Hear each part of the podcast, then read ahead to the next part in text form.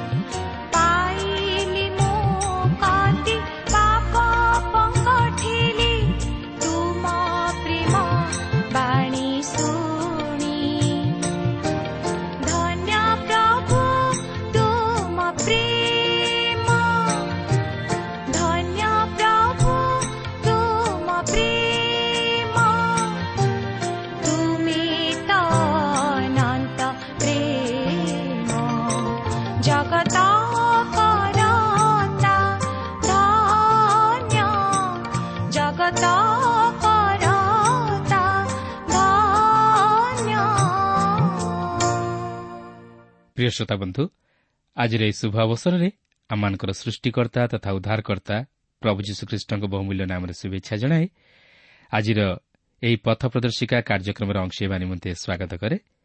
ଆପଣ ଆପଣଙ୍କର ବହୁମୂଲ୍ୟ ସମୟ ଦେଇଥିବାରୁ ଆମେ ବିଶେଷ ଖୁସି।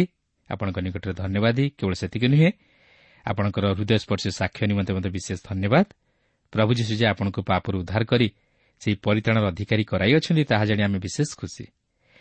ଆପଣଙ୍କର ପ୍ରାର୍ଥନାର ଅନୁରୋଧ ରକ୍ଷା କରି ଆମେ ଆପଣଙ୍କ ନିମନ୍ତେ ପ୍ରାର୍ଥନା କରୁଅଛୁ। ଆଉ ସେହି ପ୍ରଭୁ ଯୀଶୁ ନିଶ୍ଚିତ ଭାବରେ ଆପଣଙ୍କୁ ଆତ୍ମିକ ଜୀବନରେ ବର୍ଦ୍ଧିଷ୍ଣୁ କରାଇବେ। ଆସନ୍ତୁ ତାହେଲେ ପ୍ରଭୁଙ୍କର ବାକ୍ୟ ମଧ୍ୟକୁ ଯିବା ପୂର୍ବରୁ ସଂକ୍ଷେପରେ ପ୍ରାର୍ଥନା କରିବା। ପ୍ରିୟ ପବିତ୍ର ପ୍ରଭୁ ତୁମର ପବିତ୍ର ନାମର ଧନ୍ୟବାଦ କରୁଅଛୁ ଏହି ସୁନ୍ଦର ସମୟ ପାଇଁ ତୁମର ଜୀବନ୍ତ ବାକ୍ୟ ପାଇଁ। ପ୍ରଭୁ ଆମେ ଜାଣୁ ତୁମର ବାକ୍ୟ ଆମମାନଙ୍କ ଜୀବନ ପାଇଁ ଶାନ୍ତିଦାୟକ ଶକ୍ତିଦାୟକ ସାନ୍ତ୍ୱନାଦାୟକ ଭରସାଦାୟକ।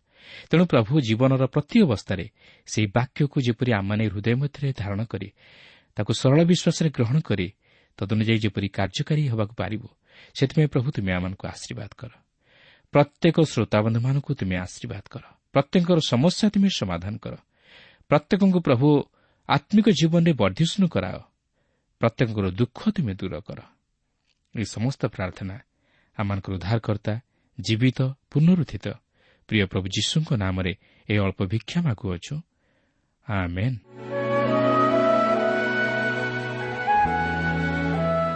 ଆସନ୍ତୁ ବର୍ତ୍ତମାନ ଆମେ ପ୍ରଭୁଙ୍କର ବାକ୍ୟ ମଧ୍ୟକୁ ଯିବା। ଆଜି ଆମେ ରୋମିଓ ଚାରିପର୍ବର ନଅ ପଦରୁ ଆରମ୍ଭ କରି ପଚିଶ ପଦ ପର୍ଯ୍ୟନ୍ତ ଅଧ୍ୟୟନ କରିବା ନିମନ୍ତେ ଯିବା। ତେବେ ମୋର ଅନୁରୋଧ ଆପଣଙ୍କ ନିକଟରେ ଯଦି ପବିତ୍ର ବାଇବଲ କିମ୍ବା ନୂତନ ନିୟମ ଅଛି ତାହେଲେ ମୋ ସହିତ ଖୋଲନ୍ତୁ ଅଧ୍ୟୟନ କରନ୍ତୁ। ଗତ ପାଠରେ ଆମେ ଦେଖିଥିଲୁ ବିଶ୍ୱାସ ଦ୍ୱାରା ଧାର୍ମିକତା ପ୍ରାପ୍ତ ହେବା ବିଷୟ ନେଇ ପାଉଲ ଦୁଇ ଜଣ ବ୍ୟକ୍ତିଙ୍କୁ ଉଦାହରଣ ସ୍ୱରୂପେ ବ୍ୟବହାର କରି ବ୍ୟବସ୍ଥା ବିହୁନେ ବିଶ୍ୱାସ ଦ୍ୱାରା ଯେ ଧାର୍ମିକତା ପ୍ରାପ୍ତ ହେବା ସମ୍ଭବ ଓ ବ୍ୟବସ୍ଥାର ଅଧୀନରେ ଥାଇ ବିଶ୍ୱାସ ଦ୍ୱାରା ଧାର୍ମିକତା ପ୍ରାପ୍ତ ହେବା ଯେ ସମ୍ଭବ ତାହା ସ୍ୱଷ୍ଟ କରିଦେଇଥିଲେ।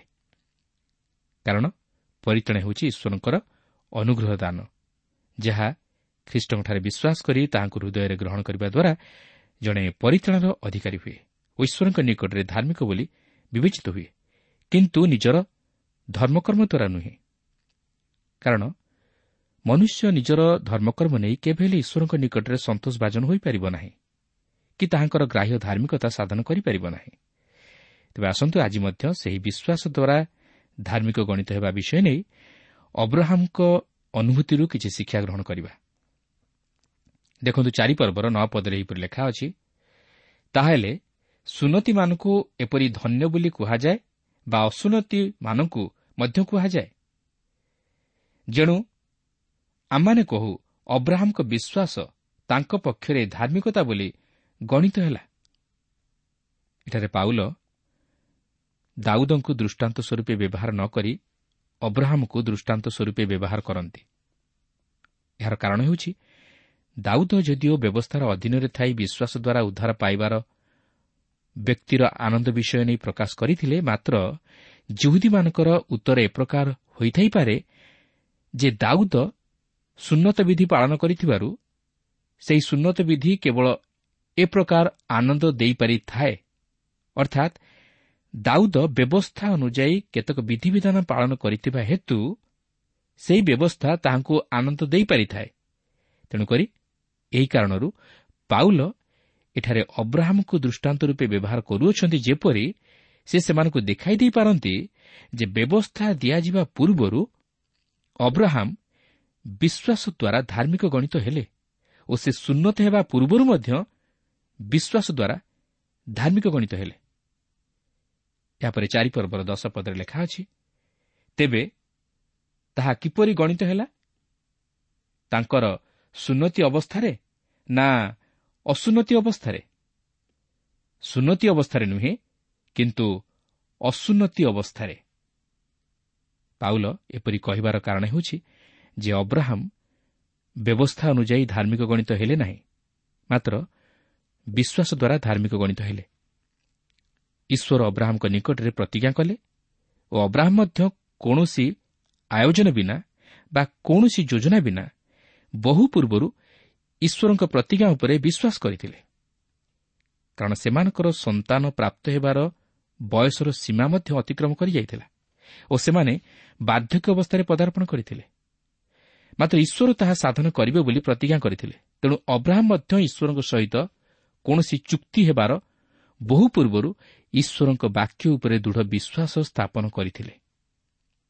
ଏହାପରେ ଚାରିପର୍ବର ଏଗାରରୁ ତେର ପଦ ମଧ୍ୟରେ ଲେଖା ଅଛି ଆଉ ସେ ଅସୁନତି ଅବସ୍ଥାରେ ବିଶ୍ୱାସ ସକାଶେ ଧାର୍ମିକ ଗଣିତ ହୋଇ ସେଥିର ମୁଦ୍ରାଙ୍କ ସ୍ୱରୂପେ ସୁନ୍ନତ ଚିହ୍ନ ପାଇଲେ।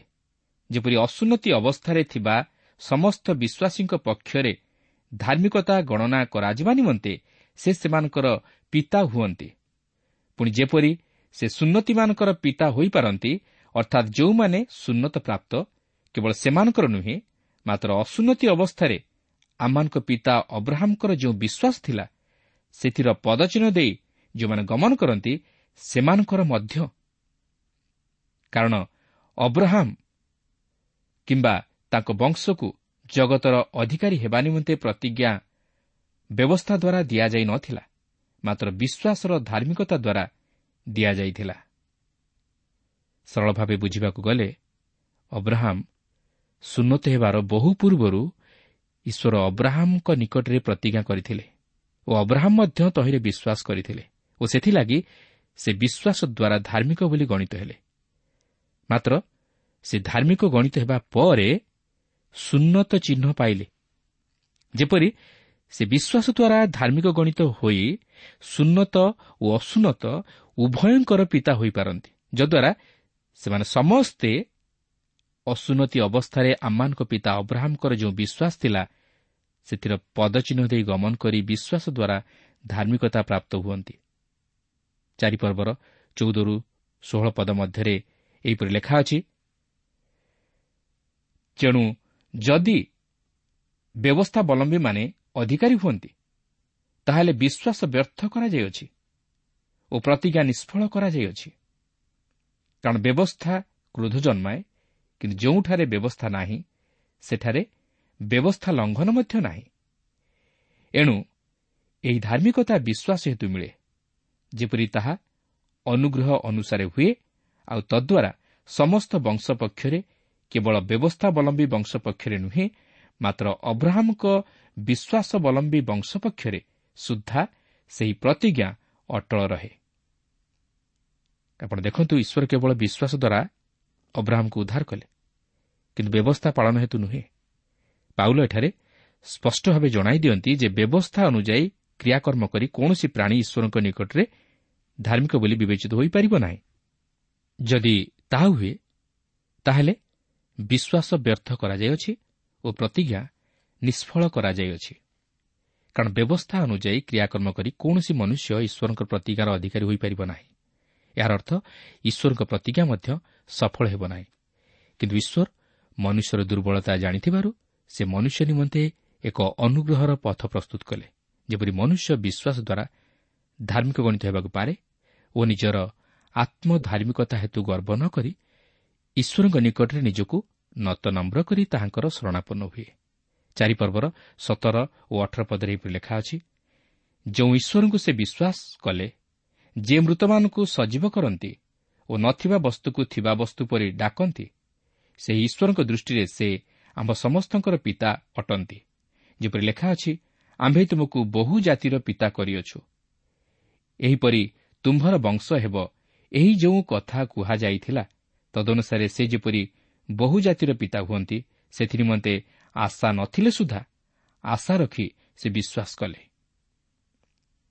ବର୍ତ୍ତମାନ ଆପଣ ଦେଖନ୍ତୁ ଏହି ପଦ ମଧ୍ୟରେ ଆମେ ଅବ୍ରାହମ୍ଙ୍କର ଈଶ୍ୱରଙ୍କ ପ୍ରତିଜ୍ଞା ଉପରେ ଦୃଢ଼ ବିଶ୍ୱାସର ବିଷୟକୁ ଲକ୍ଷ୍ୟ କରୁଅଛୁ। ବର୍ତ୍ତମାନ ଏକ ଚମତ୍କାର ବିଷୟ ଲକ୍ଷ୍ୟ କରିବାକୁ ପାରିବେ ଯେ ଅବ୍ରାହମ୍ ସେହି ପୁନରୁତ୍ଥାନ ଉପରେ ବିଶ୍ୱାସ କରିବା ଦ୍ୱାରା ଧାର୍ମିକ ଗଣିତ ହେଲେ।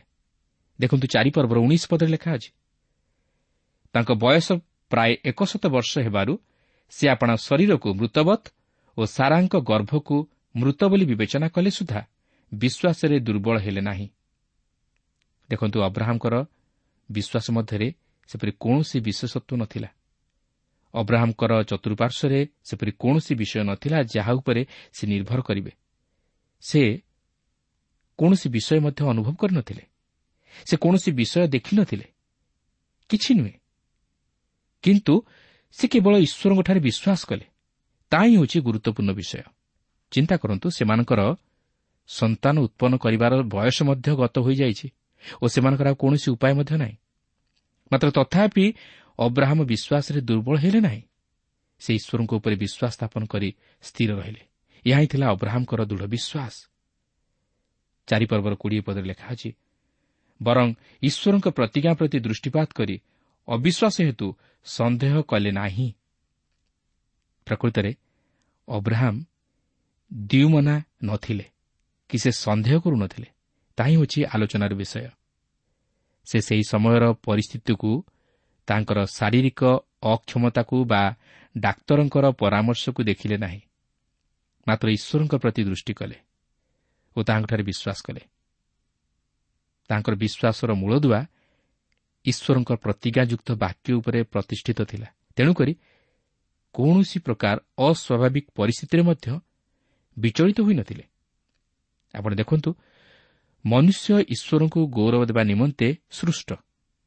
ମାତ୍ର ସେ ନିଜର ଅବାଧ୍ୟତା ହେତୁ ତହିଁର ବିପରୀତ କାର୍ଯ୍ୟ କରେ।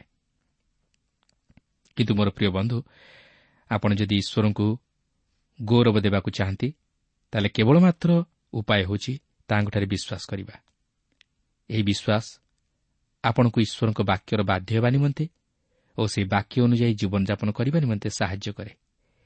ଈଶ୍ୱରଙ୍କ ପ୍ରତି ମନରେ ଗଭୀର ପ୍ରେମ ଆନ୍ତରିକତା ଭୟ ଭକ୍ତି ଜାଗ୍ରତ କରାଏ ଓ ସେହି ଧାର୍ମିକତାର ପଥରେ ଅଗ୍ରସର ହେବା ନିମନ୍ତେ ପ୍ରେରଣା ଯୋଗାଏ। ଏହାପରେ ଚାରିପର୍ବର ଏକୋଇଶ ପଦରେ ଲେଖା ଅଛି କିନ୍ତୁ ଈଶ୍ୱର ଯାହା ପ୍ରତିଜ୍ଞା କରିଅଛନ୍ତି ତାହା ସାଧନ କରିବା ନିମନ୍ତେ ମଧ୍ୟ ସେ ଯେ ସକ୍ଷମ ଏହା ଦୃଢ଼ ରୂପେ ଜାଣି ତାହାଙ୍କୁ ଗୌରବ ଦେଇ ବିଶ୍ୱାସରେ ବଳବାନ ହେଲେ। ଏଥିରୁ ଜଣାଯାଏ ଯେ ଅବ୍ରାହ୍ମଙ୍କ ଜୀବନ ଏକ ବିଶ୍ୱାସର ଜୀବନ ଥିଲା। ସେ ବିଶ୍ୱାସରେ ପରିପୂର୍ଣ୍ଣ ଥିଲେ। ତାଙ୍କ ମନରେ ସନ୍ଦେହ ବୋଲି କିଛି ନଥିଲା।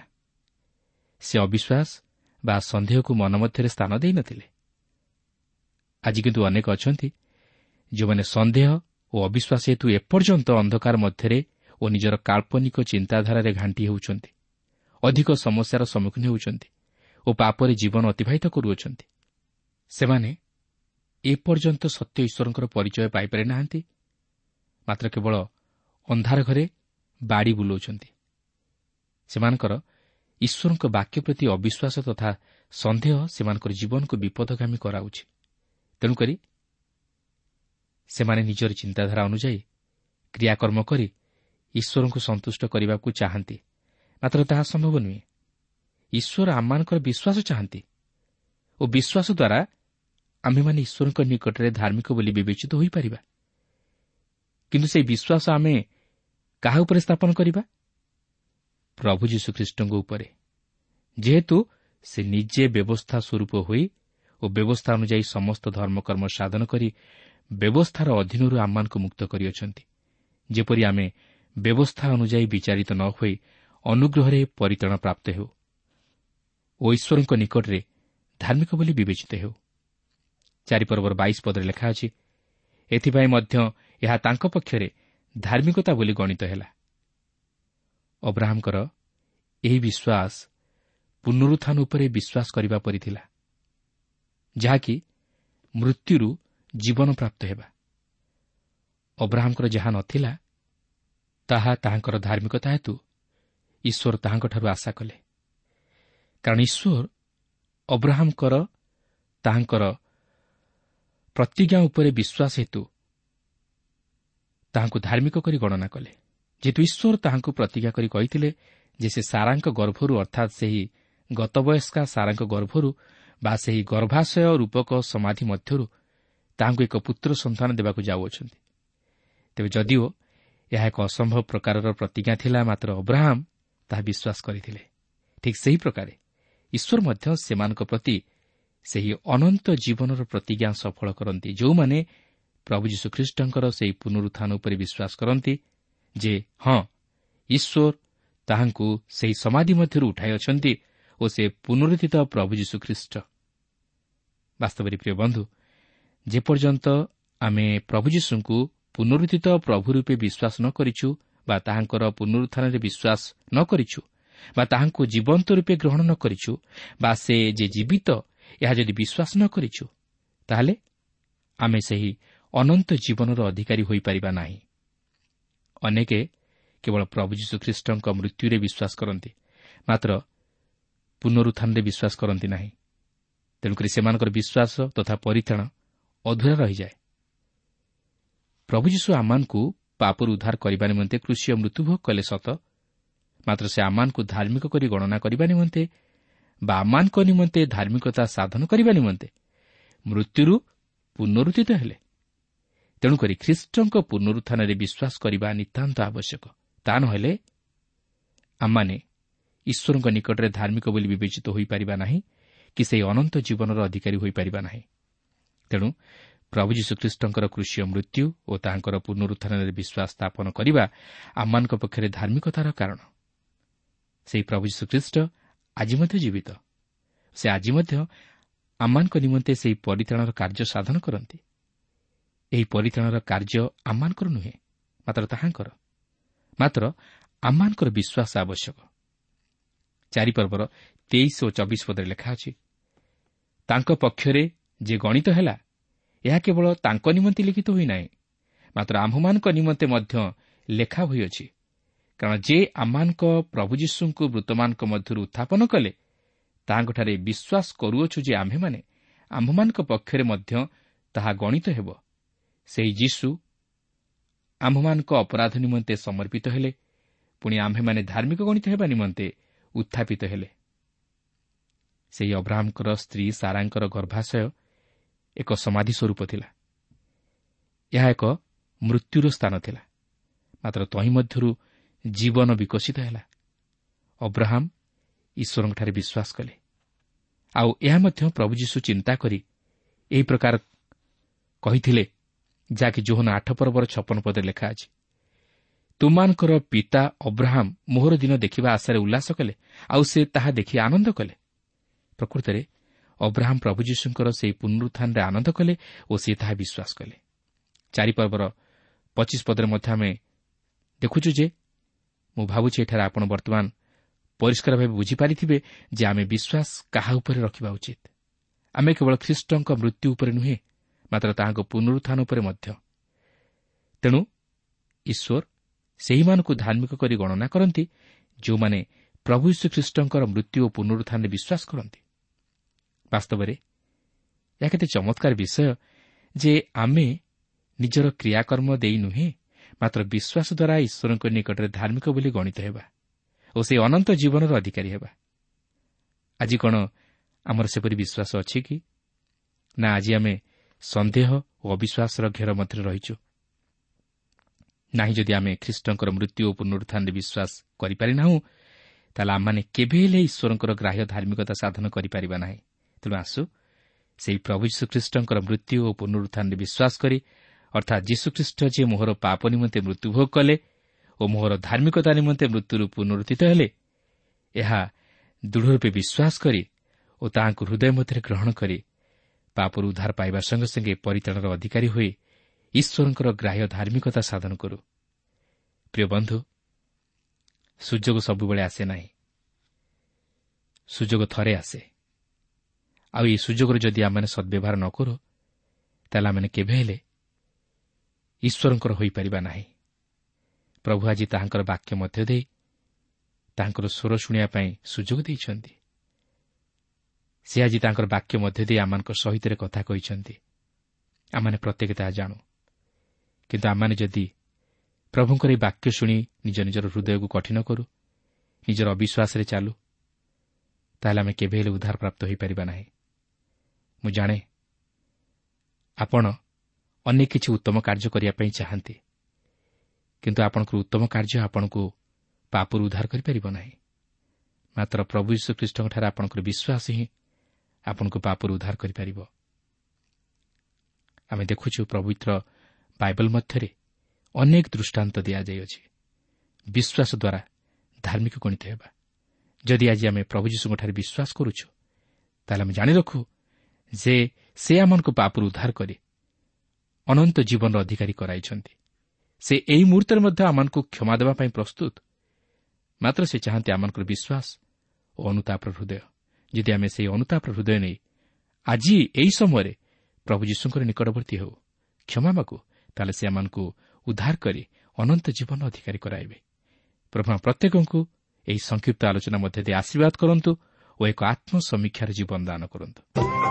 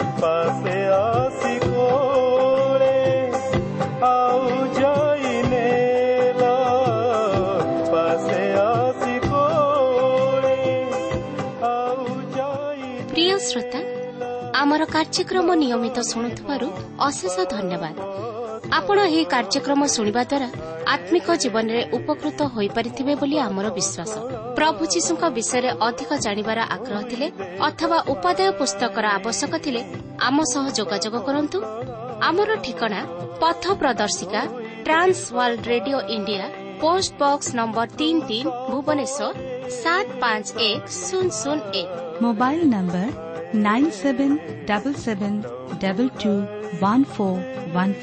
ঠিকনাটি আউথরে শুণন্তু পথ প্রদর্শিকা Trans World Radio India post box number three three Bhubaneswar seven five one zero zero one mobile number nine seven double seven double two one four one five.